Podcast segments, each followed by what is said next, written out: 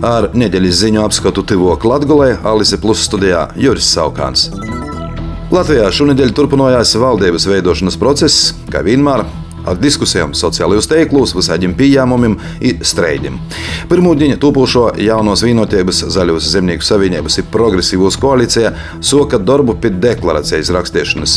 Vēl nedēļas vidā pēc tikšanos ar valsts prezidentu Edgars Rinkeviču ministru prezidenta omota kandidāte Evika Sīliņa sacīja, ka līdz nākamajai nedēļai vajadzētu būt skaidrībai par nozaru ministrim. Bet laikam gan drēžāk pīzapildēs cita izsacēto prognoze, Proti, ka sarunas par atbildības jūmam varētu turpināties vēl līdz nākamās nedēļas vidam. Līdz ar to, ka apvienotīs saraksts paziņoja par napīza vīnošanu pēc jūsu dūmām Lemberga valdībai, Ņūļa ir daudz maz skaidrs, ka valdību turpinās veidot trīs politiskie spēki - jauno vienotība, Zaļos zemnieku savienība un progresīvie. Tūpušajai koalīcijai varētu būt viņi 52 deputāti balsi parlamentā. Valdības apstiprināšanu apsajiems atbalstīt arī neatkarīgs deputāts, gūts kolpot Reigai valdes priekšsēdētājs Oļegs Būrovs, kurīs savu politisko ietekmi ir kaldinojis laikā, kad no Reigas pašvaldības Eiropas parlamentā tika ievēlēti Ušakovs un Amerikas.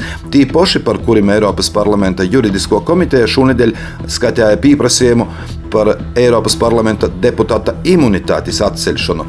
Ņūļa vēl pagaidām par šo lēmumu skaidrības nav. Finanšu ministrijā šonadēļ saimnes Riezeknis valsts pilsētas pašvaldības finanšu stabilizācijas pieteikums. Tam pievienots veicamos pasaukumu plāns un informācija par kavētiem maksājumiem. Bez tam finanšu revizija Riezekņi veic arī valsts kontrole. Finanšu ministrs Arvils Ašeradens no jaunos vienotības uzsvēra, ka jo vadīto ministrijā nevar pazaļaut iz Riezeknis dūmis snāktu finanšu informāciju, jo atzīmē, ka Riezekņi ceturtdiņ bija īcerēta nepabeigto Riezeknis rekreācijas centra nūmis tīsē attīstību izsoļa.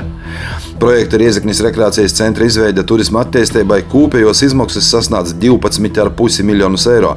Vēl šogada maijā Riezeknis deputāti nulēma valsts kasē aiziet to pabeigšanai nepilnus 3,5 miljonus eiro.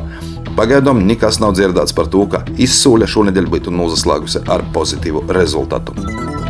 Rumānijas aizsardzības ministrs Angels Tilvārs trešdien atzina, ka Rumānijas teritorijā nokritušas Krievijas drona atlūzas pēc trīcīņa Ukrainai. NATO ģenerālsekretārs Jens Stoltenbergs jau nokušajā dīnā eh, paziņoja, ka nav nekādu pazīmi, ka Krievija būtu veikusi speciālu uzbrukumu NATO dalību valstī Rumānijai. Jo atzīmē, ka kopš jūļa vida, kad pēc Krievijas izastošanas sabruka labības darījums, kas garantēja drošu ceļu kuģim ar Ukrainas labības kravam, Krievija ir pastiprinājusi pastiprinājusi uzbrukumus Ukrainas jūras un Donavas upes ūstam.